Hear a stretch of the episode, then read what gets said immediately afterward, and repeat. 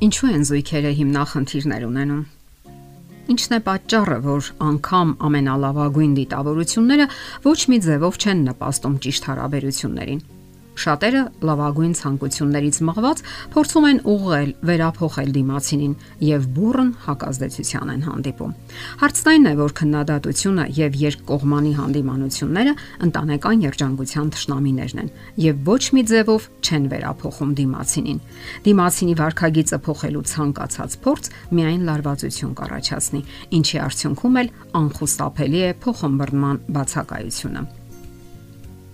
Հիշենք, որ բնավորության փոփոխությունը բոլորովին կապ չունի երջանկության հետ։ Նույնիսկ ընդհակառակը։ Երբ դուք անընդհատ դատում եք դիմացինին եւ փորձում փոխել նրա բնավորությունը, դա միայն լարվածություն եւ նյարդայնություն է առաջացնում։ Ուրեմն մտածեք, ո՞րն է ավելի կարևոր ձեր կողակցի բնավորության փոփոխությունը ըստ ձեր պատկերացումների, թե ընտանեկան հարկի երջանկությունը, դիմացինի երջանիկ ժպիտը եւ սերը ինչպես նաև երեխաների հոգեկան առողջությունն ու խաղաղությունը։ Ինչու եք ցանկանում փոխել ձեր ամուսնուն։ Երբևէ մտածել եք այդ մասին։ Գուցե դուք անկեղծորեն մտածում եք, որ անհրաժեշտ է այդ փոփոխությունը կանացի ներմբռնման կամ ինտուիցիայի օգնությամբ կամ էլ տղամարդկային տրամաբանության շնորհիվ ձեր դիմացինի մեջ նկատում եք բնավորության գծեր, որոնք հարկավոր է վերացնել երկուստեք երջանկության հասնելու համար։ Դուք վստահում եք, որ դա ազնիվ քայլ է ձեր կողմից օգնել դիմացինին հաղթահարելու իր թուլությունները եւ դառնալ ավելի գիտակից ու կատարյալ անznավորություն։ Վերջի վերջո դա նաև իր օգուտի համար է։ Սակայն, չնայած այդ բոլոր ազնիվ դիտավորություններին, խախտվում է քրիստոնեական եւ հոգեբանական հիմնական սկզբունքը, ըստ որի ամեն մարդ պետք է ինքն իրեն վերափոխի, այլ ոչ հարկադրի դիմացինին փոխելու իր բնավորությունը։ Հիշում եք նոր կտակարանի հանրահայտ ասացվածքը։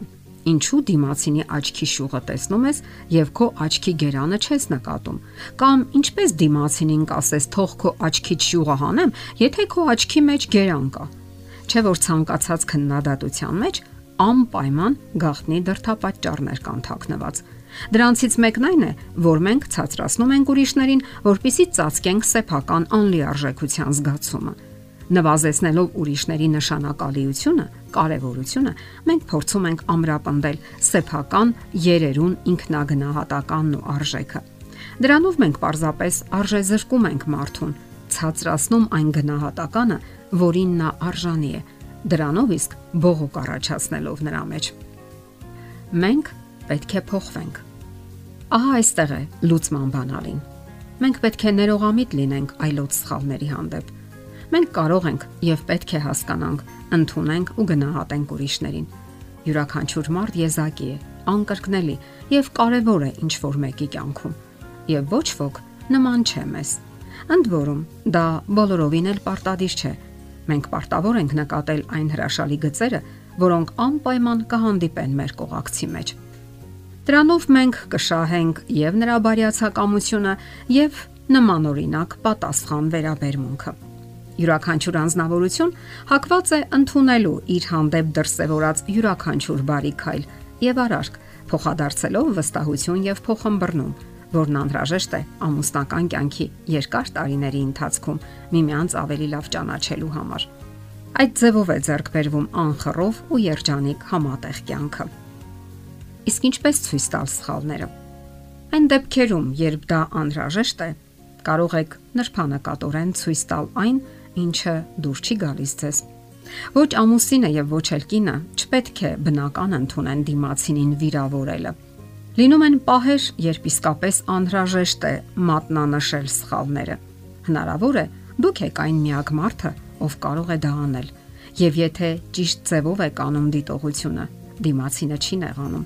Դուք ինքներդ պետք է իմանաք ձեր ընտրյալի ցավոտ կողմերը, ցավոտ տեղերը եւ զգաք տարբերությունը վրթովմունքից եռալու եւ խնդիրը խաղաղ քննարկելու միջև։ Միշտ հաշվի առեք դիմացինի առանձնահատկությունները, երբ փորձում եք ցույց տալ նրա սխալները։ Որոշ կանայք անգամ մեղմորեն քննադատելով իրենց ամուսիններին հրահրում են նրանց խիստ դիմադրությունը։ Մյուսները կարող են նրբանկատորեն արտահայտել իրենց կարծիքը, որը կընդունվի բարյացակամորեն Հնարավոր է ձեր հավակնությունները բացարձակապես օրինական են, սակայն չեն ասվում ժամանակին։ Երբեմն հարկավոր է սпасել, մինչև միջադեպը հարթվի, քանի որ ամուսինները դեռևս իրավիճակի տպավորության տակ են եւ չեն կարող անկողմնակալ վերաբերմունք ունենալ։ Ժամանակը կօգնի, որ ձեր զգացմունքներն ու կրքերը հանդարտվեն,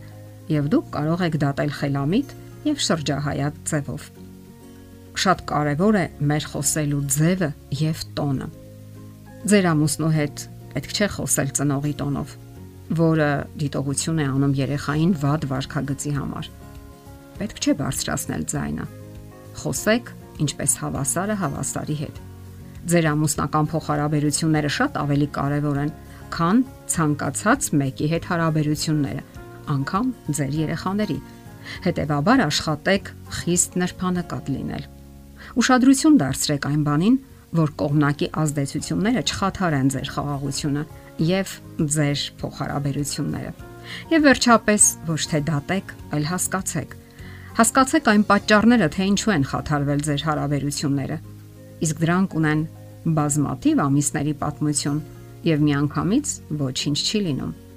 Մի դատեք, որովհետեւ այդ նույն ձևով դուք եք դատվելու։ Եթերում ընտանիք հաղորդաշարներ։ Ձեզ հետ է Գեղեցիկ Մարտիրոսյանը։ Հարցերի եւ առաջարկությունների դեպքում զանգահարեք 094 08 2093 հեռախոսահամարով։ Հետևեք մեզ hopmedia.am հասցեով։